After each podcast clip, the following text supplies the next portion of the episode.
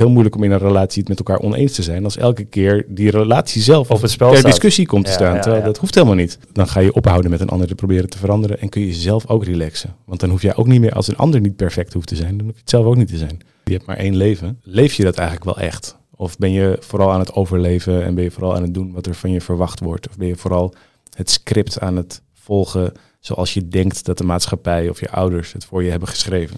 Welkom op Inspiratie bij mijntips.nl. Mijn naam is Jan Dekker en samen gaan we op ontdekkingsreis om ons leven vol tips en trucs nog leuker te maken. Wil jij geïnspireerd worden door luisterboeken omdat je bijvoorbeeld weinig tijd hebt om te lezen? Meld je dan via de link in de beschrijving aan voor 30 dagen gratis Storytel. Elk moment opzegbaar. Of wil je meer energie en heb je andere gezondheidsdoelen? Doe dan gratis de VitaKruid vitamine test en krijg persoonlijk advies over welke voedingssupplementen bij jou passen. Doe dit via de link vitakruid.nl slash opinspiratie. En slimme mensen zoals jij weten dat wanneer ook jij deze podcast gaat liken, delen of op gaat abonneren, we zo nog meer mensen kunnen inspireren. Doen dus. Vandaag in Op Inspiratie Arjan Vergeer. Arjan, bedankt eh, dat ik je mag interviewen. Ja, heel leuk. Ja, eh, samen met eh, David de Kok ben je oprichter van eh 365 dagen succesvol. Verder ben je getrouwd, vader van vier kinderen. ja, allemaal waar. Dat is denk ik het allerbelangrijkste, de Ja, laatste. zeker, ja. Nou ja, nee, de, en de, de- het, is allemaal even, het is allemaal heel belangrijk. Ja, exact. Ja. Ja. Hoe, hoe ben je hier zo ingerold?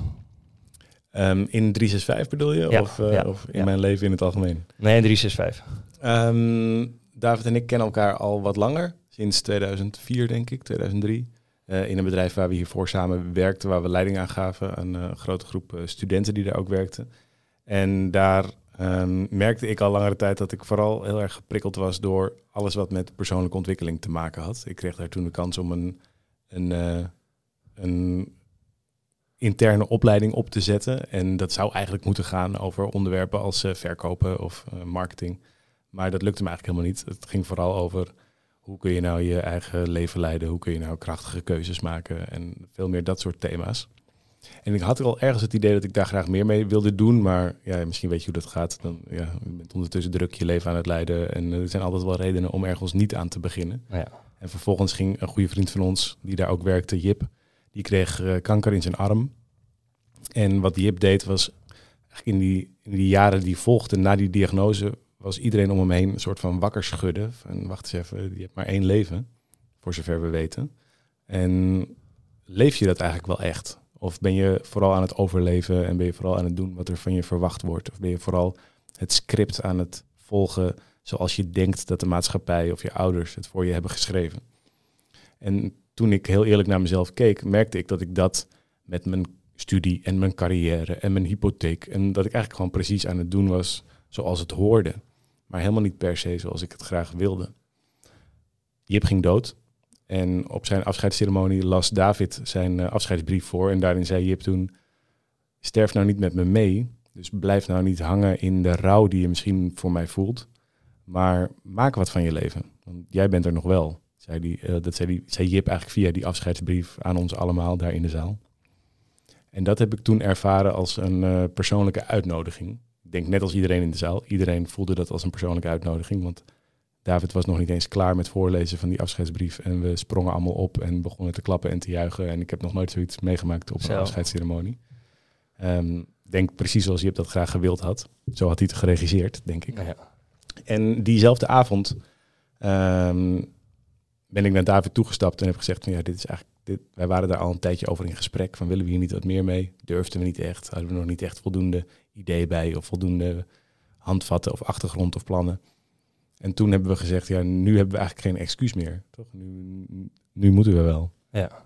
En toen zijn we het gaan doen. En toen is eh, eigenlijk op dat moment daar is 365 begonnen. De, twee weken daarna zaten we bij de uitgever. En eh, zes, weken, zes maanden daarna lag het eerste boek in de winkel. Dat is een... eh, Zo, zo, zo ben ik erin gerold. ja. en nu zit je op een eh, fantastisch kantoor in Amsterdam. Ja, Met ja, hoeveel medewerkers? ja. Eh, nou, we zijn in de coronatijd weer wat gekrompen. Omdat we heel veel eh, mensen ook in dienst hadden die ons hielpen met het organiseren van de Events. grote evenementen. Ja, in de Avas Live en in de Ziggo Dome en zo. En dat hoeft natuurlijk niet meer. Dus we zijn wat kleiner geworden. Maar we werken denk ik nu, als je de, de, de meeste mensen meetelt met z'n vijftiende, twintige, zoiets. Ja, ja. ja, dat is behoorlijk. Ja. Ja, en die events, hoe komen die de komende tijd eh, eruit te zien? Ja, geen idee. Zeg het maar. De, de, de... Kijk, we hebben lange tijd, was dat het enige wat we deden. Ehm, we hebben, toen we starten, hebben we als missie met elkaar gekozen dat we graag van Nederland het gelukkigste land van de wereld wilden maken. En onze vorm daarbij was mensen in een zaaltje. Ja. Want dat was, ja, dat deden we eigenlijk al een beetje bij die vorige werkgever. Eh, dat kenden we goed, daar waren we comfortabel mee. En het enige wat we eigenlijk gedaan hebben elke keer is het zaaltje wat groter maken. Tot het moment dat we verboden werden en dat niet meer kon, omdat alles in lockdown ging. En dat is eigenlijk pas het eerste moment geweest in acht jaar tijd dat we ons heel serieus zijn gaan afvragen van zou dit ook op andere manieren kunnen? En kunnen we deze missie ook op andere manieren ehm, betekenis geven of invullen? Online, denk ik. Bijvoorbeeld online, ja, Ja. dat kan op allerlei vormen. Het kan ook Ja. in kleine groepjes verspreid, waar wij niet per se bij zijn. Omdat- Ja. en, en zo zijn er eigenlijk veel meer verschillende vormen. Dus we zijn bijvoorbeeld een scheurkalender gaan maken. En de, nou, dat werd, werd de best verkochte scheurkalender van Nederland. Met vertel eens. Samen, ja, precies. En we zijn, een, ehm, we zijn een, be- een bedrijf begonnen dat zweethutceremonies organiseert. Nou, we hebben nu twee landjes in Nederland waar mensen dus in hele kleine groepjes bij elkaar komen en samen zo'n spirituele ceremonie meemaken. Heel bijzonder. Eh, we zijn een nieuw boek gaan maken. We zijn een eh, meditatie-app gaan lanceren. We zijn een online academy. Dus er zijn allemaal andere initiatieven eigenlijk ontstaan vanuit dat grote idee om van Nederland het gelukkigste land van de wereld te maken. Dat de, het vullen van de zalen, dat was ooit het enige wat we deden en daardoor de hoofdzaak. En nu is dat een van de dingen die we ook leuk vinden om te doen. Maar waar we ook, eh, het zou ook prima zijn als dat een tijdje niet gebeurt. Toevallig hebben we volgende week weer een mooi evenement. En daar heb ik heel veel zin in. In de zomer staan er weer vijf dagen. Een grote groep mensen waar we weer eh, lekker aan de slag gaan. Dus het gaat gelukkig ook gewoon door. Maar niet meer op zo'n vast ritme zoals we dat eigenlijk jaren gedaan hebben. Oké, even naar de, naar de events. Zelf eh, regel je met David bijvoorbeeld een superrelatie weekend. Wat, hoe kun je een, een superrelatie maken van je relatie? Ehm, jeetje, ja, er zijn mensen die een heel jaar studeren of die een heel leven studeren om antwoord te vinden op die vraag. Dus dat zo even in een paar zinnen is, is wel, ehm, dat is een uitdaging. Maar wat, ik, eh, wat volgens mij al heel erg helpt, is dat je gaat zien dat er ehm, over relaties, dat de meeste verhalen die je gelooft over relaties, dat die niet waar zijn. En dat de meeste dingen die wel zijn, die wel waar zijn over relaties, dat je die niet weet. En dat geeft heel veel ruimte, want daarmee kun je zien dat ook liefde en relatie, dat dat een vaardigheid is. Iets wat je kunt leren. Terwijl veel mensen denken dat het iets is wat ze overkomt. Weet je, je vindt de, de prins of de prinses op het witte paard en dan gaat het goed of het gaat niet goed. Eh, en ieder mens is anders, dus daar valt niks over te leren, want het is altijd uniek. En dat is gewoon niet waar. Op het moment dat je gaat zien dat er dat mensen, dat de onderlinge patronen of dynamieken die er tussen mensen spelen, dat je die heel goed op heel veel plekken kunt terugzien, dan kun je ze ook bij jezelf gaan herkennen. En dan kun je zien, hé, hey, wacht eens even, dit is een patroon wat ook bij mij vaak fout gaat. En de meeste mensen leren van over liefde en relaties, leren vooral van hoe hun ouders dat deden. En dat is heel vaak helemaal niet per se het beste voorbeeld. Daar ging het ook mis, of daar was heel veel frictie of geweld of scheiding of het gedoe of afwezigheid. En als dat dan je beeld is over liefde, of als dat dan je beeld is over hoe relaties zijn, dan is het heel moeilijk om daarvan los te komen als je daar niet zelf je eigen be- bewustzijn op loslaat. Dus als je niet zelf gaat zien van wacht eens even, dit is niet zoals het hoort te gaan, maar dit is zoals het in deze situatie is gegaan en het kan bij mij anders gaan. En dan kun je er bewustzijn aan toevoegen. Dus dan kun je erover leren, dan kun je naar jezelf kijken en dan kun je ook zien, een van de grote inzichten bijvoorbeeld, wat, ehm, wa- wat we in, in het superrelatieweekend belangrijk maken, is dat je het onderscheid leert maken tussen liefde en relatie. Dat zijn twee verschillende dingen. En veel mensen denken dat dat niet zo is. Dus dan is er bijvoorbeeld een gedoe. Ehm, de vuilniszakken zijn niet op tijd eh, naar de straat. Of eh, iemand heeft een geheim voor iemand anders. Of Ja. er is een keer iets. eh, of je gebruikt een keer verkeerde woorden als je een beetje Boos bent of zo. Ja, precies. En veel mensen gaan dan dingen tegen elkaar zeggen als... Nou, dan ga je toch bij me weg. Of hou je niet meer van me. Of je laat me alleen. Dat zijn allemaal dingen die eigenlijk gaan over liefde. Terwijl dat is helemaal niet aan de hand. Het is niet de inhoud. Het is- Nee, het gaat over, er is gewoon iets niet goed georganiseerd. En op het moment dat je die dingen uit elkaar kunt houden, dan kun je veel veiliger en misschien zelfs wel veel meer vanuit een volwassen perspectief met elkaar gewoon kijken, hey, hoe doen wij dit? Hoe bespreken wij de dingen samen? Hoe hebben wij het geregeld? En dan zul je merken dat de liefde niet elke keer Ter ter discussie, wordt gesteld. Ja. Of niet elke keer eh, als chantage in wordt gebracht. En want dat, dat maakt onmiddellijk de situatie onveilig. Het is heel moeilijk om in een relatie het met elkaar oneens te zijn. Als elke keer die relatie zelf Op het spel ter staat. discussie komt te staan. ja, terwijl dat hoeft helemaal niet. Dan kun je veel veiliger ook gewoon ruzie maken. Of kun je veel veiliger aan- met elkaar dingen bespreken die je stom vindt. Ja, echt zeggen wat je denkt. Ja, zonder dat het daarmee meteen onveilig wordt. En dat zo, dus alleen al zo'n eh, idee van die twee dingen los van elkaar zien. Dit heeft niks te maken met de liefde die we voor elkaar voelen, die is er. Maar we hebben dit in onze relatie even anders met elkaar te doen. Dan opeens kun je er samen naar kijken van, oh ja, inderdaad, ja, dat is inderdaad wat onhandig. Nou, wat kunnen we regelen? En dan wordt het veel, eigenlijk heel plat van, heel praktisch van. En dat is dus juist heel lekker in heel veel Ja. gevallen. En hoe doe je dat zelf in je eigen relatie? Is er iets waarvan je denkt van, nou ja, daar zou ik nog wel eens aan moeten werken? En hoe bespreek jij dat met je, met je vrouw? Ehm, nou, wat wij wel geleerd hebben, dat is helemaal niet vanzelf gegaan. Want wij konden echt, wat wij vooral heel goed konden de eerste jaren van onze relatie, was ruzie maken. Daar waren we heel goed in. En later heb ik een tijdje gedacht, die ruzies werden soms zo fel, dat elke keer dacht ik, oh ja, dat, dat, daar hadden we eigenlijk nog een week last van of zo. Weet je? De, Ja. de, de gevolgen van de ruzie waren eigenlijk altijd erger dan de aanleiding ervan. Toen heb ik op een gegeven moment bedacht, nou dan gaan we maar geen ruzie meer maken. Ga ik alles wel inslikken. En, en, Ja. en dat was eigenlijk nog eh, Ja. onhandiger. Want dat kwam natuurlijk op allerlei andere manieren tot uiting. En dat, was, eh, dat was, werd heel vervelend. Ja, dat komt keihard terug. Meteen. En toen ehm, heb ik me gerealiseerd dat het juist wel heel goed is als je het over heel veel dingen oneens bent. Dus oneenigheid of meningsverschil in een relatie is juist leuk. Dat is leerzaam, dat kan is zelfs aantrekkelijk. ehm, op het moment dat je dat op tijd met elkaar bespreekt. Dus een van de dingen die wij veel beter zijn gaan doen, is veel eerder en eerlijker op het moment dat het nog een klein dingetje is. Gewoon zeggen dat we er zelf heel anders over denken. Of dat ik iets helemaal niet mooi vind. Of dat ik helemaal niet. En zij ook. En dat is prima. En dan is het oké. Ja, Ja. dan hoeft het helemaal geen ruzie. Dan weet je dat van elkaar. Dus we hebben eigenlijk veel meer eh, meningsverschil en bijna nooit meer ruzie. En, dat, eh, en daardoor is het eigenlijk altijd, altijd wel leuk. Ja, Snap je? Want dan ook dat meningsverschil is onmiddellijk ehm, eh, onschadelijk. Gewoon, oh ja, oh grappig. Hij denkt er zo over. Zij denkt er zo over. Nou in. ja. En dan kan je weer door. En hoef je elkaar ook niet te veranderen daarin. Nee, gelukkig maar. Want moeten we elkaar, moeten we elkaar veranderen? Sommige mensen die, die zitten echt zo van, ja, weet je, ik, eh, ik hoor dit allemaal aan. Mhm. Het klinkt dan natuurlijk allemaal eh, heel utopisch. Maar, je? nee, ik weet hoe het in de praktijk werkt, want ik bespreek dit soort dingen ook zo met mijn vriendin. ja. Maar ja, zij eh, hebben misschien toch zoiets van, ja, maar eh, hij moet veranderen, want hij irriteert me. Wat zou, wat zou je hun als eh, advies kunnen geven? Probeer maar. Ja, Lukt niet. nee. Je, probeer maar eens oprecht een ander te veranderen. Is het jou wel eens gelukt? Nee, het lukt bijna niet. Is het je wel eens gelukt om jezelf überhaupt echt te veranderen? Nou, wel in eh, patronen, Ja? bijvoorbeeld. Eh, ik gebruik heel veel eh, een als damp Ja. methode. Ja. Dus als ik iets wil veranderen, dan ga ik heel concreet tegen mezelf zeggen... oké, als je dit wil veranderen, dan moet die consequentie volgen. Ja, ja, ja. En ik heb bijvoorbeeld in mijn twintige jaren dronk ik eh, nou ja, regelmatig bier. Ja, lekker. Op, eh, ja, alleen het ging iets te ver, want donderdag na de voetbaltraining was het zover. Vrijdag, Ja, zaterdag, ja, zondag. En dan lag ik door de week, eh, de hele week op mijn bed. En toen dacht ik wel van ja, stel dat ik over een aantal jaar een kind wil hebben, dan is, dan is dit niet de vader die ik wil zijn. Nee.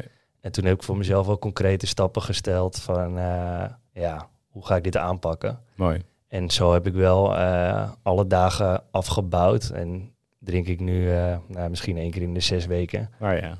Maar ja, dat is stapsgewijs ge- gegaan. ja, dat heeft precies, dat heeft veel tijd gekost, veel Exact. gekost. En dat is dus ook best wel lastig. En daardoor helpt het volgens mij in een relatie, als je dat als uitgangspunt neemt, ehm, dan doe je een ander denk ik ontzettend tekort. Want stel je voor dat het lukt. Stel je voor dat je uiteindelijk echt iemand kunt veranderen. Precies hebt gemaakt zoals je hem zelf Ja. zou willen hebben, als een blok klei. Ja. Dan denk ik dat je op dat moment dat het gelukt is, ook de ander op geen enkele manier meer aantrekkelijk vindt. Dat eigenlijk elke reden om nog bij elkaar te zijn is dan verdwenen. Want dan Ja. heb je iemand gemaakt tot iets wat je eigenlijk precies zou willen hebben. En daarmee is alle aantrekkelijkheid ook verdwenen. Want daar, dat zit hem ook voor een stuk juist in het niet weten van elkaar, juist in het verschillen van het stuk, juist in de. de en daardoor denk ik ehm, dat het en heel erg eh, een heel moeilijke opdracht is, een, een opdracht die je relatie eh, vervelender maakt en het zelfs ervoor zorgt. Ehm, kijk, uiteindelijk, elke keer dat je zegt dat iemand anders moet veranderen, dan ben je vooral tegen jezelf aan het zeggen dat jij behoefte hebt aan iets wat die ander niet levert. En je wijst iemand af. Ook nog. Dus Ja. het wordt ook nog stom. Maar je kunt, maar je, je- op het moment dat je gaat zeggen dat, je, dat een ander jouw behoeftes moet vervullen. Nou, dat is nogal, dat is echt, dat kan je iemand bijna niet aandoen, joh. Moet je je voorstellen dat iemand de hele tijd bezig moet zijn om jou gelukkig te maken. Dan heb je dus jouw geluk, de verantwoordelijkheid gemaakt van een ander. Ja. Nou, dat is, dan, dan, dan vind ik dat je echt eh, iemand een last op de schouders legt. Die, dat kun je niet doen. Nee, want uiteindelijk ben je zelf verantwoordelijk voor jouw gevoel. Ja, En iemand kan wel op jouw knoppen drukken, ja. maar uiteindelijk moet jij mee zien te dealen. Ja, en dus is volgens mij wat je te doen hebt, is te leren eh, van de ander te houden met alles wat iemand wel en niet is. En dat zit hem vaak nog veel meer in. En, en ik denk op het moment dat dat lukt, dat je daarmee ook meteen zelf veel meer vervulling en voldoening ervaart. Dat je ook helemaal zelf niet meer zoveel.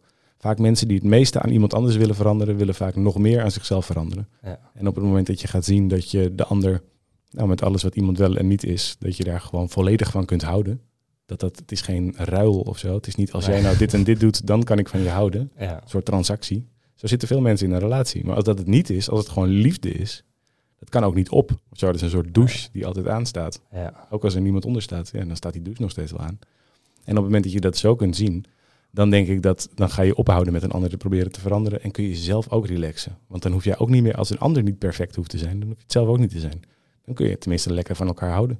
ja. En het is ook niet degene waar je verliefd op bent geworden als die helemaal verandert. Nee, wat is er dan nog over daarvan, van die oorspronkelijkheid? Ja, Zonde, dat zou ik dus nooit doen. ja. Ja, je hebt eh, volgens mij een keer in een podcast gezegd ook, eh, eh, als je echt wat wil leren, dan moet je of een relatie aangaan, of je moet een eigen bedrijf starten. Ja. En dan leer je eigenlijk het meest over jezelf. Of kinderen krijgen. Ja. Ja. je irritatiegrenzen opzoeken als een kind huilt. Nou ja, nee, maar het zijn natuurlijk allerlei dingen waar je heel erg... Je ontkomt niet aan jezelf, omdat je namelijk jezelf... Jij bent die relatie. Dus jij bent ook dat bedrijf. Of jij bent ook, nou in mijn geval, ik ben vader. En Ja. dus... ehm, dus is dat niks anders dan een spiegel van, eh, van wat ik zelf ben. Ja, Ja. Dat geldt voor alles. Ja, geldt die, voor- die spiegel, dat is wel, eh, dat is wel een mooie. Die, ik moest daar heel erg aan denken eh, toen ik op, op wereldreis was met mijn vriendin. En zaten we bijvoorbeeld zes weken in een, eh, in een campertje, eh, reden we door Nieuw-Zeeland. Ja. En toen eh, kon ik me wel eens storen aan het feit dat zij niet zo georganiseerd was als ik. Ik vouwde mijn shirtjes netjes op. Keurig. Ik wist precies waar alles lag. Ja, ja, ja. En, en als we dan moesten vertrekken, dan kon zij nog wel zeggen: Oh, heb ik dit wel bij me? Even zoeken, dat soort dingen. Ja. En toen dacht ik echt van ja, dit is echt een spiegel. Want wat vind ik nu dus heel belangrijk? Want ik, ik kon me daar wel een beetje over opwinden. Ja. En toen dacht ik, ja, blijkbaar vind ik dit echt heel erg belangrijk voor mezelf, omdat ik er zo gestructureerd in was. Ja. Verder zei het niet heel veel over haar, want zij heeft eh, heel veel andere kwaliteiten Ja. die ik bijvoorbeeld niet heb. heeft niks met haar te maken. Precies. Nee. Eh, dus ik begon het steeds meer als een spiegel te zien en eh, te leren van, ja, hoe ga ik ermee om als zij iets doet wat mij stoort? Want uiteindelijk ben ik verantwoordelijk voor mijn eigen gevoelens. Ja. Dus het ligt compleet aan hoe ik ermee omga en niet om wat zij doet. Als, als- nee, zij is niet verantwoordelijk voor jouw geluk. Dus op Exact. het moment dat als jij graag gestreken of opgevouwen bloesjes wil, nou, ga je gang, vouw die van haar lekker op. Ja. Ja. Doe je haar ook nog een lol mee. Maar dat is niet haar taak. Nee. Het is niet, het, het is niet haar taak. eh, het is zelfs niet haar taak dat jij van haar houdt. Dus het is ook niet haar taak Nee. om, om heel leuk te zijn. Dat is niet haar taak. De ene, dat, dat, dat, dat hoeft ze niet te doen. Dus jij kunt alleen maar zelf kiezen dat je van haar houdt, ook met onopgevouwen shirtjes of niet. Ja. En daarmee wordt het, wordt het uiteindelijk veel vrijer van, denk ik. En dan zou het ook nog kunnen dat je nog wat over jezelf leert in de slipstream. Ook. Dat is wel mooi, mee, mooi meegenomen. Ja, daar leer je een hoop van inderdaad. Ja. Hey, ehm, ik heb eh, Jan Geurts eh, eh, ook in mijn podcast mogen hebben. En die zei over een relatie dat het eigenlijk heel fijn zou zijn als iedereen een eigen huis zou hebben. Hoe kijk jij daarnaar? Zodat je ook nog je eigen leven kunt leiden. Ja, en dat het niet, eh, hij noemde dan een soort van symbiose, versmelting. Ja. Eh, een soort twee-eenheid die, eh, die je samen wordt in plaats van dat je afzonderlijke mensen blijft. Omdat je toch een beetje naar elkaar toe groeit. Ja. Hoe, hoe kijk jij daarnaar? Nou, ik snap zijn idee wel dat je... ehm, kijk, op het moment dat je alle twee precies hetzelfde bent, dan is één van de twee overbodig. Ja, Toch? Want dan voeg je niks meer toe aan elkaars leven. Dan leid je hetzelfde leven. En dat is eigenlijk is er dan een leven opgehouden. Dat is Ja. ook zonde. Dus dat punt snap ik wel. Tegelijkertijd, ehm, voor mij geldt het niet. Ik vind het heel fijn om in hetzelfde huis te wonen als de vrouw waar ik het allermeeste van hou. En om daar elke ochtend naast wakker te worden en daar s'avonds mee eh, naast op de bank te zitten. En dat, en dat maakt mij blij. Dus ik, ik geloof heel erg dat je. Ehm, ik denk dat hij het misschien niet eens letterlijk bedoelt, maar meer ook overdrachtelijk. Dat het belangrijk is dat je alle twee je eigen leven blijft leiden. En daar ben ik een heel groot voorstander van. Ook nu toevallig, nu wij dit hier opnemen. Mijn liefje zit ergens in Oostenrijk op dit moment. Geen idee wat ze aan het doen is, maar ofwel in een skilift of ergens op een terras. ik weet het niet. Ah, Maar die is daar iets aan het doen en heeft het daar heel leuk. En, en dat is deze hele week zo. En dat is denk ik heel belangrijk, want dan heeft zij weer verhalen als ik terugkom. En dan leid, leid ik dus eigenlijk twee levens. Want Ja. ik hoor ook haar verhalen, die worden meegebracht in mijn leven. En dus wordt mijn leven rijker, omdat zij dingen meemaakt. Eh, en vullen we elkaar dus op die manier aan. Maar op het moment dat, en dus dat punt snap ik heel goed. Maar ik ben heel blij dat ik wel ondertussen weet dat ze weer terugkomt en in hetzelfde huis. ja, dat kan ik me voorstellen. Ja. Hey, je had het net over je kinderen, je hebt er vier. Ja. Ja, ik merk dat eh, je leven die verandert toch wel, eh, ondanks dat we ja, veel hetzelfde proberen te blijven doen. Ehm, ja, sommige mensen die twijfelen misschien over een tweede, een derde, een vierde. Eh, wat kan jij als advies geven als vader van, eh, van vier kinderen qua drukte, planning? eh? Ja, doe het niet. Nou, nee, ja, jeetje, nee, ik ben, ik, ik weet niet of ik een goed persoon ben om daar advies over te Nou, geven. jij hebt een super groot bedrijf. Ja, Dus ik denk dat je wel de aangewezen persoon bent om hier enig advies over zou kunnen, uit jouw ervaring natuurlijk. Hè? kijk, wat volgens mij ook hier weer helpt het om, ehm, om vooral zelf te voelen waar je het meest gelukkig van wordt. En ook niet op zoek te gaan naar wat er nou maatschappelijk van je gevraagd wordt. Of er zijn natuurlijk mensen die zeggen, oh, je moet er echt nog eentje bij nemen, want anders dan is het zielig voor die ene. Of Ja. je moet er, nee, je mag niet meer dan twee kinderen, want dat is slecht voor het milieu. Dus wat je ook kiest, zijn altijd mensen die daar een oordeel over hebben. En het belangrijkste is dat je samen met elkaar, jij en je geliefde, keuzes maken waar je alle twee eh, blij mee bent.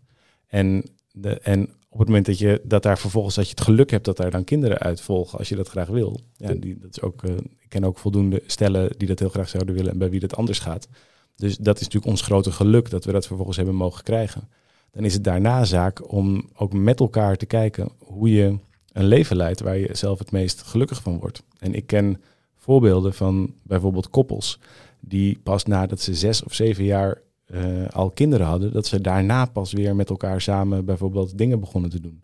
En weer begonnen te daten of zo. Ja. Nou, dat is echt heel onverstandig. Jij probeert elke week te daten, toch? We proberen elke week te daten. En dat Ja. is wel tijdens de coronatijd, moet je, heel eerlijk gezegd, is dat een stuk slechter gelukt. Ja, creatief. Maar, maar, nu, maar nu, de afgelopen tijd, eh, is, zitten we gelukkig weer lekker op schema. En dat, ehm, en, maar dat komt ook omdat ik geloof dat die kinderen... Kijk, kinderen luisteren niet naar wat je zegt, maar die kijken naar wat je doet. En op het moment dat je zelf tegen je kinderen zegt... Joh, maak je eigen keuzes, wees lekker jezelf. ehm, het zorg- of later, als ze wat ouder zijn, eh, kies voor een fijne relatie, maak het leuk samen. Maar ondertussen doe je dat zelf niet... Ja, dan, dan wordt het zelfs onbetrouwbaar. Dan Ja. is het niet alleen maar meer het slechte voorbeeld, maar dan wordt het ook een soort van dubbele agenda. Van hé, hij zegt het een, hij doet het ander. En dus is voor mij het, het, feit, het, het gelukkige feit dat we kinderen hebben mogen krijgen, is voor mij een uitnodiging om eigenlijk het beste voorbeeld te kunnen leven. Dus dat is ook als ik op straat loop en daar ligt een plasticje en ik raap dat op. Dat doe ik nu eerder dan dat ik dat nog deed Zonder Eh, kinderen. zonder kinderen. Liet ik het nog wel eens liggen. En nu, als ik met mijn kinderen naar school loop en daar ligt het, dan pak ik het op en gooi ik het in de prullenbak. En nu weet ik dat ik andere dingen tegen mijn liefje zeg. Nu escaleren ruzies niet, want dan ja, er zijn kinderen bij. Ja. Nu zorgen we ervoor dat we... Dus het is voor mij eigenlijk een uitnodiging om zelf ook een betere versie van mezelf te worden. Leuke, fijne dingen met mijn geliefden samen te doen. En met hun ook de wereld te verkennen.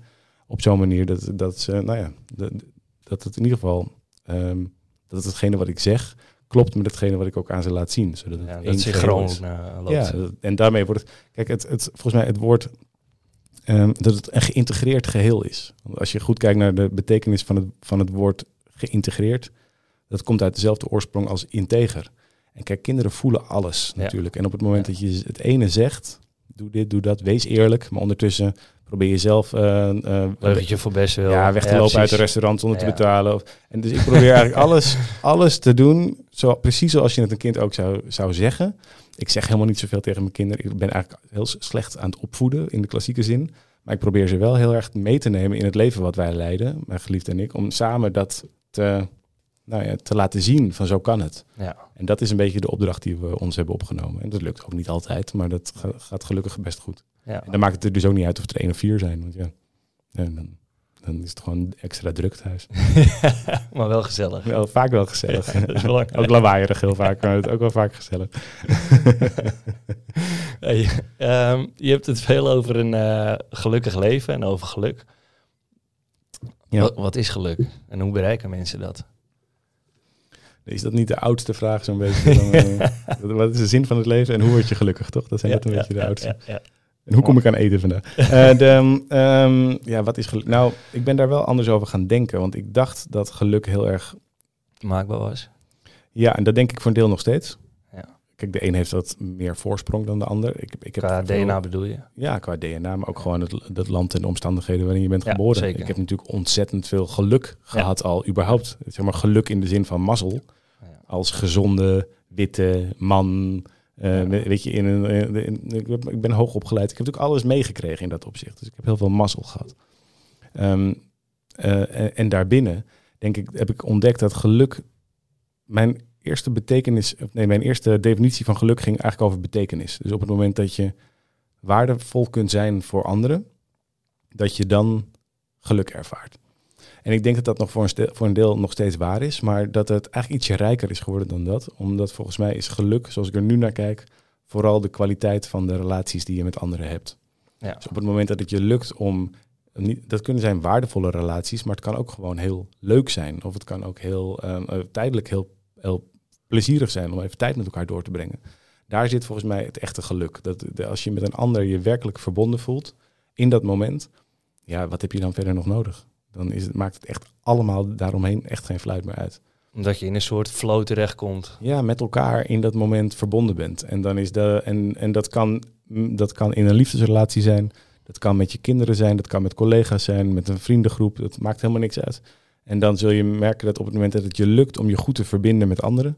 Dat je dan ook automatisch veel gelukkiger zult worden. En dat je dan helemaal niks anders nodig hebt dan alleen maar met die ene ander of met die paar anderen te zijn in dat moment. En daar denk ik dat we uiteindelijk met elkaar heel erg naar hunkeren. En dat vervangen door schermpjes of ehm, eh, eh, weet ik wel, eh, eh, allerlei dure dingen. Maar dat we uiteindelijk op zoek zijn naar echt contact met echt iemand anders. Ja, Als we dat- verbinding. Ja. ja. Ja, dus waardevolle relaties met anderen. Daar zit denk ik de diep, ja, echte relaties met anderen. Dat is denk ik geluk. Ja, je merkt toch wel eh, inderdaad wat jij zegt over eh, telefoontjes, schermen. eh, soms zit ik wel eens aan tafel met iemand of in een grotere groep. En dan Ja. merk je dat mensen toch hun telefoon met schermen naar boven bijvoorbeeld op Ja. tafel leggen. Ja. Hoe ga jij daarmee om? Hangt een beetje van de groep af of van Ja. de situatie af. Op sommige momenten maak ik het ook niet zo belangrijk en ben ik er ook wat, wat los vast in. Ja. Maar op momenten dat ik me daar echt toe heb gezet, dat het mijn intentie is om daar met elkaar een waardevol moment te hebben, dan, ja, dan is er of helemaal geen telefoon in de buurt, of die staan allemaal uit, of we hebben, ja, we hebben natuurlijk wel eens van die grappige weddenschapjes met vrienden, dat eh telefoons allemaal op een stapel en degene die het als eerste toch pakt, Ah, ja, ja. die betaalt de hele avond. Ja. En dat lukt heel goed. En, dat, eh, en, eh, en zo doe ik het met David ook vaak. We hebben daar zelfs een woord voor. We noemen dat met elkaar sacred space. Ah ja, ja. dat- eigenlijk de ruimte. We gaan ervan Ja. uit dat, dat de relatie bevindt zich niet zozeer in mij of in jou, maar in de ruimte tussen ons. En die ruimte is onze gezamenlijke verantwoordelijkheid. Daar zorgen wij voor, voor die ruimte. Is die veilig? Is die plezierig? Is die eerlijk? Is die open?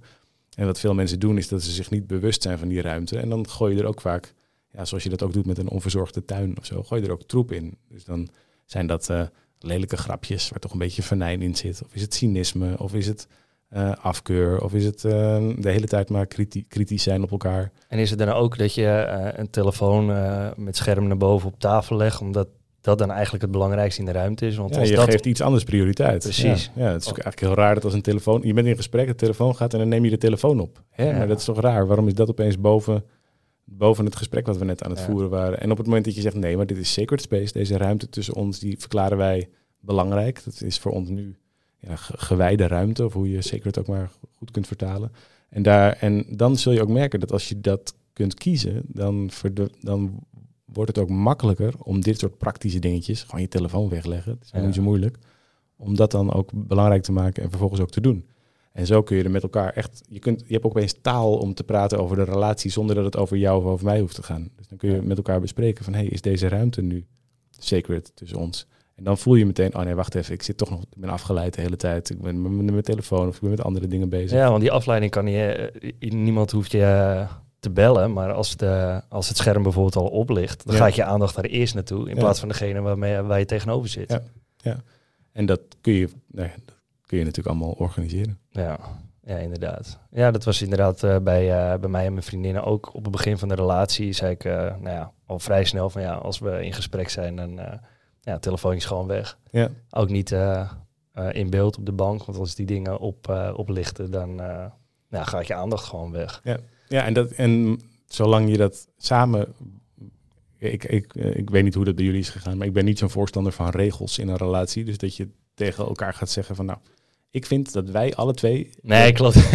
Onze, en dan, dan je, wat je kunt doen is zelf je telefoon wegleggen. Ja, of je kunt met elkaar praten over het En- concept van sacred space. Of je kunt. Maar ik zou niet tegen. Ja, nee, ik moet in ieder geval thuis niet meer aankomen om tegen, tegen mijn vrouw te zeggen. Doe jij eens even heel gauw je telefoon weg, schatje. nee, klopt. Nee, eh, daarin, eh, daarin spiegel je gelukkig elkaar ook veel. Ja. Dus op het moment dat je je telefoon eh, weglegt, dan doet zij dat ook. Ja, dat denk ik. En eh, je gaat inderdaad geen regels verzinnen. Dat is inderdaad wel Nou ja, een goede, zou je- goede toevoeging.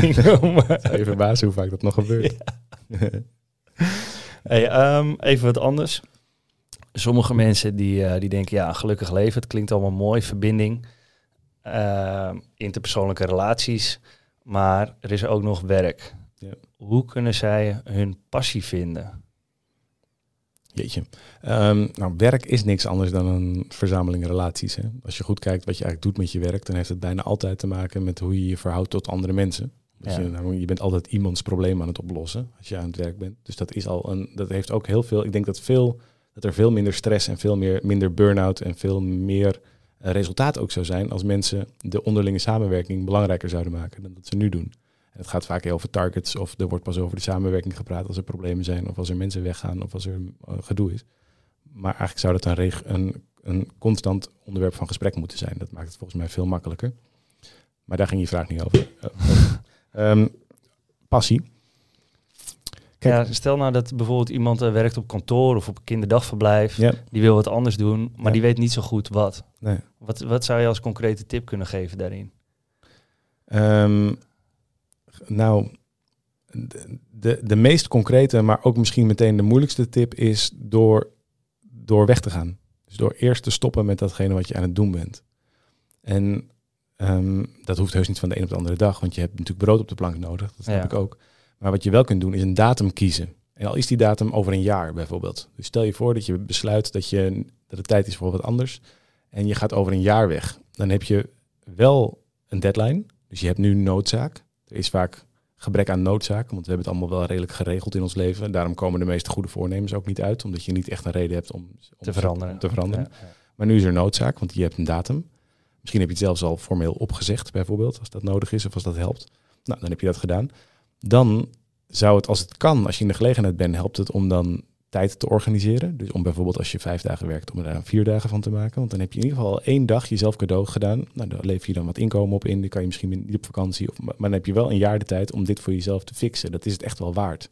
Nou, die dag ga je je volgens omringen met mensen die al zijn op de plek waar jij wilt zijn. Dus die al wel weten wat ze met hun leven doen. Of die al met hele leuke dingen bezig zijn waar jouw interesse naar uitgaat of waar je energie naar uitgaat.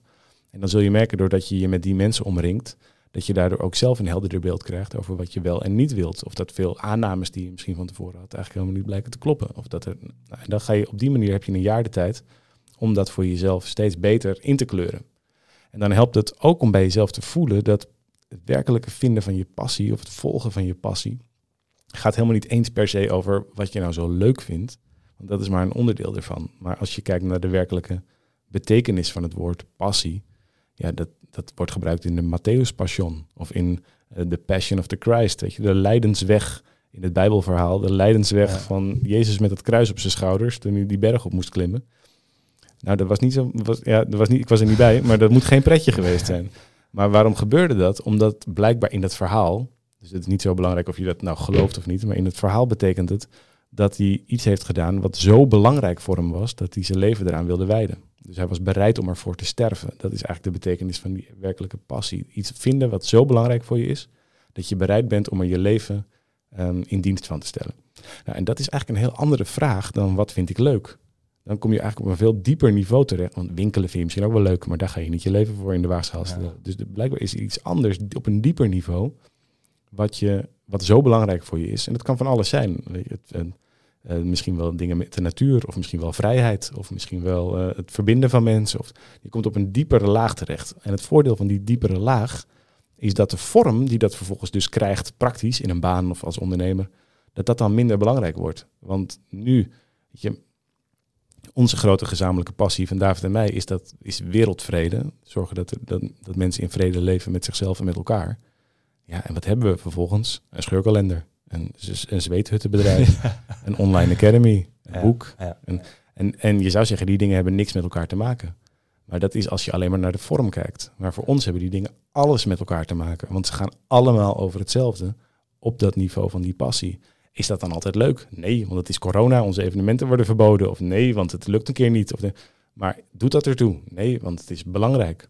En dat is wel uh, een mooie, mooie stap die je daar maakt. Want heel veel mensen gaan natuurlijk anders om met tegenslag. Ja. Want jij zegt van ja, is het belangrijk? Nee, want ik kan ook wat anders gaan doen. Ja. We gaan een creatieve vorm aangeven. Ja.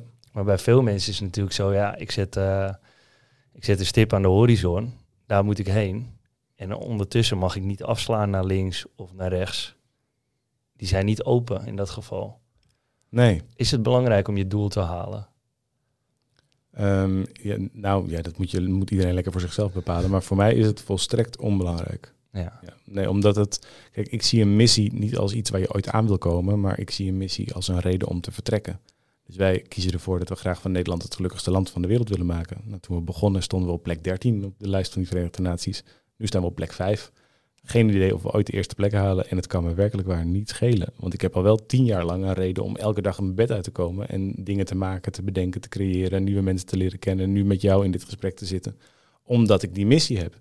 En, en daardoor brengt het me een prachtig leven. En helpt het ondertussen veel andere mensen ook. En kan het me echt niet schelen of dat ooit, zelfs als we volgend jaar weer naar plek 6 zouden zakken. Nou en. Dus, dus het helpt heel erg volgens mij om niet zozeer je te laten leiden door dat soort doelen.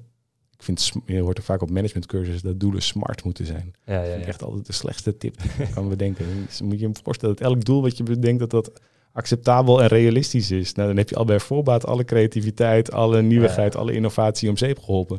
Vind ik echt altijd verschrikkelijk. Dus nou ja, dat, uh, dus Sorry, dit was even mijn rant. Ja, over creativiteit gesproken. Uh, mensen die gaan bijvoorbeeld in uh, managementteams gaan ze zitten en brainstormen. Mm Terwijl bijvoorbeeld uh, Ab Dijksterhuis in het slimme onbewuste yep.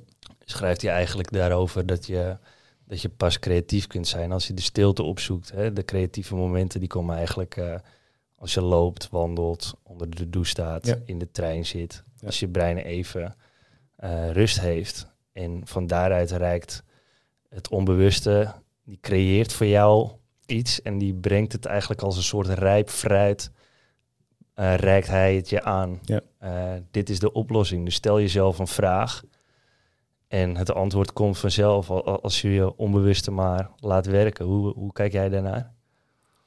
Uh, nou, ik, ik zou, het zou niet in me opkomen om iets af te doen aan wat Ab zegt. Want ik ben een groot fan van zijn, van zijn werk. Toevallig schrijft hij het, heeft, heeft hij net het nieuwe voorwoord geschreven voor het, ons boek wat in het najaar uitkomt. Ah, serieus? Dus we hebben vaak contact, omdat ik heel erg fan ben van hoe hij naar dingen kijkt. Ja. En, en dit punt over het onbewuste wat zoveel slimmer is en wat zoveel meer weet al, waar al veel meer antwoorden liggen dan dat we, waar we vaak met ons bewuste bij kunnen. Daar ben ik het 100% mee eens. En dat is ook de reden dat we uh, bijvoorbeeld een meditatie-app hebben die echt gaat over, uh, over contact maken met dat onbewuste. Dus veel beter durven luisteren naar wat er al is. Maar ook dat we in onze programma's vaak de tijd nemen. Dus wij werken niet met een soort quick fix. Loop een keer over kolen en dan is je leven anders. Ja. Maar neem de tijd ook juist om te kunnen lanterfanten. Ook zodat je kunt dromen, zodat je kunt, uh, niks kunt doen en dat dingen zich kunnen aandienen. Ook in de zweethut, daar wordt helemaal niet aan therapie gedaan. Maar vervolgens is het voor mensen wel vaak een moment waarop ze zomaar van oud trauma af kunnen komen. Of waarop ze zomaar een hele, in een hele nieuwe fase in hun leven terechtkomen. Niet omdat ze dat bewust gedaan hebben. Niet omdat er allerlei cognitieve gedragstherapie op is losgelaten. Maar omdat het onbewuste in een situatie is terechtgekomen waar het ook een kans heeft gehad om gehoord te worden. En dat is volgens mij um, iets wat we met elkaar nog steeds heel erg onderschatten. Ja. in ons dagelijks samenwerken en dagelijks leven. Dat we overal, we denken dat we overal een heel goed argument voor hebben. En wat we vaak niet zien is dat het, het lijf of het onbewuste heeft het al lang al besloten en bedacht. En we hebben daar later een argument bij bedacht. Maar ja, dat kan net zo goed iets anders zijn. Ja, Dus die willekeur, dat durven we zelf nog niet zo goed onder ogen te zien. Want ons ego is nog daar te groot voor, denk ik, als mensheid. ja klopt. Ja, Paul Smit die schrijft daar eh, mooi over. Ik weet niet of je hem toevallig kent. Niet persoonlijk. Oké, ja, ik, eh, ik heb daar inderdaad mooie boeken over gelezen. Dat, eh, dat hij inderdaad omschrijft dat we eigenlijk alles automatisch doen en dat we achteraf een verhaaltje vertellen Ja. via onze neocortex. Dat, Klopt. en, en op basis daarvan ja, genoegen nemen. En als dat niet strookt met, met wie we willen zijn, dat, dat er een soort van eh, cognitieve dissonantie ontstaat. Ja. Dat Nee, je goed praat wat je, wat we, je we eigenlijk net begrijpen helemaal geen fluit van onszelf. En we, Nee. Maar dat kunnen we niet aan, omdat we namelijk een coherent verhaal willen hebben over wie we zelf zijn en Ja, hoe we exact. in elkaar zitten en wat er bij ons past en wat niet. En daarom verzinnen we verhaaltjes over onszelf met een oorzaak en een reden en een gevolg. En, eh, en die we dan logisch vinden. Maar we zijn natuurlijk een, een vat wandelende tegenstrijdigheden. Maar dat is ook prima. Dat is juist wel grappig, denk ik. Dan blijft je leven een beetje een verrassing voor jezelf ook. Ja, zo probeer ik er zelf ook naar te kijken. Hoor. Ja, dus heel vaak als mensen vragen waarom heb je dat gedaan? Eigenlijk mijn eerlijke antwoord is vaak ja, ik heb geen idee. Ja. maar dat leek toen een goed idee. Ja, ik, ik vind het altijd een mooi voorbeeld met... eh, stel dat je een boom eh, bewustzijn zou geven, zoals Ja. wij dat hebben. Ja. Dan zou die boom ook zeggen... Elk seizoen dat die verandert. Ja, ik ben nu veranderd, want het wordt wat warmer. En eh, het Ja. wordt wat kouder, dus ik doe er wat blaadjes af. Ja. Dus eh, dat is een mooie manier om, eh, om er naar te kijken. Ja. ja, nee, we denken dat we het zelf beslissen, maar het wordt besloten. Ja. Dat geloof ik, dat zie je als je mensen in groepen zet, dat iedereen hetzelfde gaat doen. En allemaal hebben ze achteraf een andere verklaring waarom ze dat gedaan hebben. Ja. Maar ze hebben het allemaal precies op hetzelfde moment hetzelfde gedaan, terwijl dat niet per se logisch was om dat te doen. Dus we, zijn, we overschatten onze eigen keuzevrijheid. Ja, ja, Ab Dijkstruis die schrijft toevallig eh, een mooi stuk erover eh, met een onderzoek met ontgroeningen. Dat eh, des te harder de ontgroeningen is, des te meer verbinding er ontstaat. Oh ja. Maar dat mensen dan achteraf gaan ze een verhaaltje verzinnen van ja, nee, het is zo'n leuke groep en die is zo aardig en die is zo Ja, aardig. ja. Maar uit onderzoek blijkt dus gewoon, nou ja, des te nastier de opdracht was, des te meer verbinding jij voelt met de groep. Ja, nee, En- ja, precies. We zijn een gevolg van onze hormonen en, van, en, en dat weten we. Dat, is- nou ja, dat is ook niet erg. Dat is ook grappig. Dat we daar, doordat we er weer een verhaaltje van maken, kunnen we er weer met anderen over praten. En daardoor wordt het ook weer, eh, dus dat is ook oké. Kunnen we niks meer aan doen. Ja, en ik vind dat het ook wel, eh, het houdt het ook wel lekker luchtig en spannend. Precies. Ja. Hey, toevallig weet ik dat je, dat je naar Bali gaat. Mhm. Voor een jaar volgens mij. Klopt dat? Ja, hoe kom jij aan die informatie? Ik heb overal mijn bronnen. Eh, is dat ook een keuze eh, op gevoel? Nou, we- Intuïtie? Nee, ja, ja eh, we hebben al lange tijd de droom om met ons, met ons gezin een tijdje in het buitenland te wonen. Eigenlijk vanaf het moment dat wij dat we ehm, kinderen kregen, vanaf dat moment hebben we de wens gehad om ooit nog een tijdje met ze in de tropen te wonen. En dat had eigenlijk al een paar jaar geleden moeten gebeuren, maar toen eh, brak er een wereldwijde pandemie uit. En, eh, en nu denken we dat het goede moment gekomen is. Dus dat is iets wat we gaan, eh, gaan onderzoeken de komende tijd. Oké, en van waar die reden? Nou, de wereld is groot en mooi. Dus waarom zou ik dat alleen hier ervaren? Ja. Eigenlijk is het heel simpel. Maar je gaat wel verder met je bedrijf, maar dan van een afstandje. Ja, maar ja, dat hebben we volgens mij twee jaar lang met z'n allen gedaan, toch? Van een afstandje ergens aan werken. Ja. Dus dat, eh, dat, dat, dat, dat is alleen maar makkelijker geworden. Oké, dus je gaat niet alleen maar een land op het strand met een cocktail in je hand. Of eh, Ik wel hoop wel heel regelmatig. vaak. Ik, ho- ik hoop heel vaak. Ja, dan word je creatiever van, toch? Heb je Ja, net gezegd. Dus ja, misschien eh, kan, ik er nog, kan ik er nog een factuur voor sturen. ook. Nee, dat, eh, ja, nee dat, eh, dat, dat, ik heb geen idee hoe het zal gaan. Dat, eh, dat is een, eh, een, een, een, iets wat we graag willen ervaren. En volgens mij het leuke van het leven is dat het helemaal niet... Kijk, het leven wil volgens mij vooral geleefd worden. Dus dat betekent dat het een verzameling ervaringen is. En ervaringen is niet hetzelfde als plannen waarvan je van tevoren weet of ze lukken. Dus mijn hele, mijn hele leven, in ieder geval de afgelopen tien jaar, sinds ik met David met 365 ben begonnen, is één grote avontuur van dingen waarvan het ons leuk leek om het een keer mee te maken. En waarvan we geen idee hadden of het zou lukken. En dat is, eh, dat is zo, zoiets als dit is het ook. En ik denk dat hoe meer je van dat soort dingen in je leven organiseert, nieuwe dingen die je zelf ook laten vernieuwen, waarvan je ook niet weet hoe je jezelf zal zijn, zal zijn in die situatie, dat dat uiteindelijk het, het, ehm, tot, voor, tot de meeste eh, levenslust leidt. Ja. En dit is ook weer precies zo'n voorbeeld aan wat ik graag aan mijn kinderen wil laten zien. Ja, ik kan tegen ze zeggen van leef je eigen leven en zie de wereld als je speeltuin. Maar we kunnen het ook gaan doen met elkaar en nu kan dat. Ja, ja over, uh, over Bali gesproken. Ik heb daar een, uh, een mooi boek gelezen die jij ook wel kent. Uh, Man's Search for Meaning van uh, Viktor Frankl. Ja. De zin van het bestaan. Volgens mij uh, heb jij daar wel wat moois over te vertellen. Over hoe hij in een concentratiekamp met zijn gedachten omgaat. En, en hoe hij kijkt naar het leven. Omdat je hebt het nu over ja, een soort zingeving te geven en te laten zien aan je kinderen. Mm -hmm. hoe, hoe keek hij daarnaar in, in een concentratiekamp? Blijkbaar is dat boek heel erg... Ik heb het gelezen in de Filipijnen. Dus het is wel grappig dat het zo gekoppeld is daar aan uh, Zuidoost-Azië. Ja. Ik weet niet wat dat betekent, maar het is in ieder geval toevallig. Um, ja, Victor Frankl, nee, je vertelt het zelf al. De Joodse psychiater kwam terecht in de vernietigingskampen... en zijn, um, zijn geliefde en zijn familie werd vermoord door de, door de nazi's. Um, afgrijzelijk natuurlijk. De zwartste bladzijde, denk ik, in de menselijke geschiedenis. En hij werd daar ook mishandeld en vernederd. En zoals dat ging, zoals er toen met, met, met Joodse mensen werd omgegaan daar in de, in de kampen. En hij merkte ook vanuit zijn achtergrond als psychiater, beroepsdeformatie, kon niet anders, ging hij om zich heen kijken en merkte hij dat sommige mensen anders omgingen met al die ellende dan anderen. En hij kwam erachter dat sommige mensen de, de narigheid ook internaliseerden. Dus dat ze alles wat er buiten zich gebeurde, ook onmiddellijk op zichzelf betrokken en daar dus ook zelf ellendig van werden.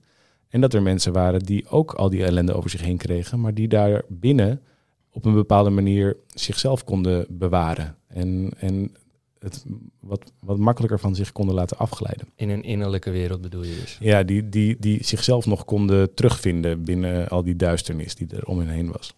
En hij kwam tot het idee, um, eigenlijk een heel oud idee, het is ook al door de Stoïcijnen, 2000 jaar geleden is het ook al gezegd, dat er dus een ruimte bestaat tussen datgene wat je overkomt, dus de stimulus van buitenaf, en de manier waarop jouw innerlijke wereld daarop reageert. Dus de respons die je daar zelf op hebt, het gevoel wat je erbij krijgt. En later weer het gedrag wat je vertoont, nog in tweede instantie. En veel mensen die zien de buitenwereld gelijk aan de binnenwereld. Dus die zeggen er gebeurt iets buiten mij en dus voel ik mij zo. Ja. Alsof daar geen ruimte tussen zit. En hij zegt, ja dat is zonde als je dat zo denkt, want in, daar zit wel een ruimte tussen en die ruimte is zo'n beetje de grootste menselijke vrijheid die we hebben. En dat is ook de ruimte die niemand je kan afnemen. Dus op het moment dat je gaat zien dat er een ruimte zit tussen wat je buiten je gebeurt en hoe je je daar zelf toe verhoudt of wat je daar zelf bij voelt, dan ben je vrij. En hij deed dat daar, er was zo'n dag, ik zie dat zo voor me. Hij beschrijft dat volgens mij zelf ook in zijn boek, dat hij in zijn barak tot die conclusie kwam en daar met mensen over om hem heen in gesprek ging. En tot en met de bewakers aan toe die eigenlijk allemaal ook op dat moment doorkregen dat ze niet per se mee hoefden te gaan in dit, in alles wat er buiten ze gebeurde, maar dat ze daar ook een keuze in hadden om zichzelf er anders toe te verhouden. En daar, daar uh, leerde hij dat hij, dat hij vrij was in elke situatie, omdat hij zelf kon kiezen of iets hem wel of niet raakte, of iets hem wel of niet kwetste. En dat, um, dat, dat is een inzicht wat onder alle vormen van pijn of stress in je leven heel erg kan helpen. Ik wil niet zeggen dat het er altijd meteen is, want soms voel je gewoon dingen. Maar dan kun je wel nog even daar buiten stappen en denken van, oh ja, wat zou Victor Frankl gedaan hebben? Ik stel mezelf die vraag wel eens. En bijvoorbeeld in die, uh, nu toevallig laatst, nu is alles gaat weer open natuurlijk met coronatijd. Achter de rug lijkt het te zijn voor een groot deel. En dan zijn er veel mensen die ook tegen mij zeggen van, nou wat fijn dat je nu weer vrij bent of zo. Of je zult je wel weer vrij voelen. En ik denk altijd, ja, ik heb me eigenlijk altijd heel vrij gevoeld. Ik heb me altijd net zo vrij gevoeld. Ik heb nooit het gevoel gehad dat mijn vrijheid is inbeperkt, want die is van mij. Die kan helemaal niemand kan mijn vrijheid afnemen. We mochten wel dingen niet doen, maar dat was iets buiten mij. En binnen mij ben ik een vrij mens geweest. En, dat is, en daardoor heb ik daar nooit ook, ik heb daar nooit heel veel last van gehad. Het was een heleboel geregeld en georganiseerd, maar ik heb daar nooit emotioneel last van gehad of wat dan ook van me afgenomen gevoeld. Of, en dat is een, en dat is denk ik een manier van kijken die, die ik heel erg van hem heb, uh, geleerd. Ja. Dus dat uh, ook, ja, met mijn, ik heb suikerziekte, met mijn ziekte zit ik af en toe mee te worstelen. En dan denk ik, oh ja, wat zou Victor Frankl doen? Oh ja, dan, en dan, dan gaat het eigenlijk al meteen weer beter. Dus dat is heel, uh, als je het boek niet gelezen hebt en je zit dit te luisteren, dan lees, lees dat boek. Ja, echt, lees dit boek. Ja, het heeft mij ook uh, heel veel gebracht. en na die wereldreis bijvoorbeeld kwam ik terug, ook door, door corona moesten we ja, eigenlijk wel vluchten eh, vanuit Guatemala. En, ja, het was in ieder geval een hele spannende reis. Maar goed, we hebben het gered. Ik zit hier.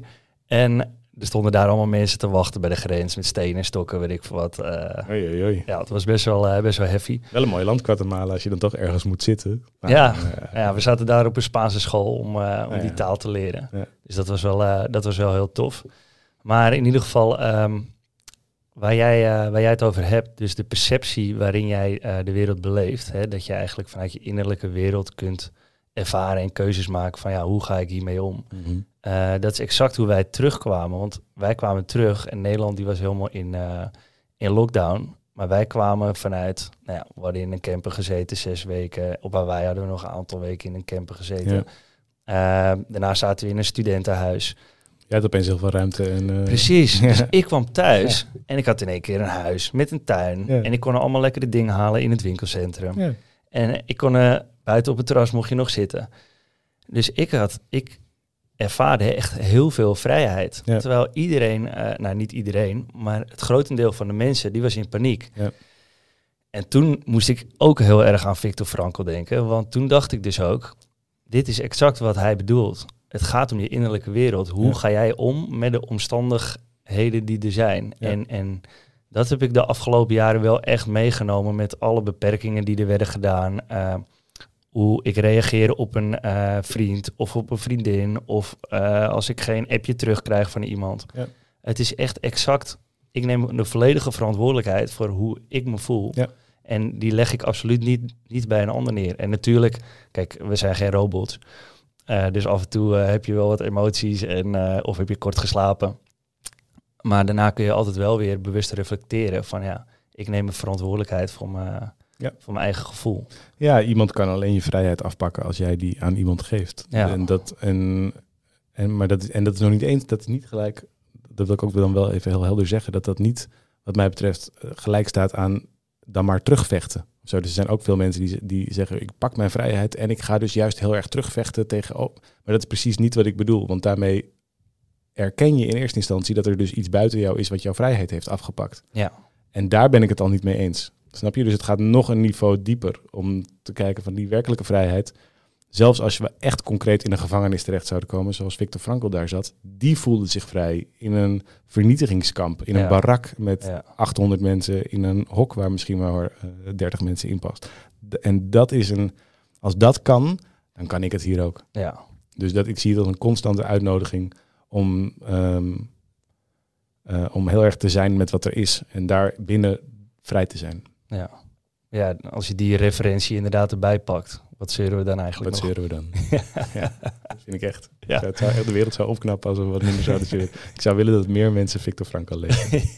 ik ook. Het is bij deze nogmaals. Lees het boek. Hey, ehm, als laatste, ik wil graag aan je vragen, waar zie jij jezelf over tien jaar?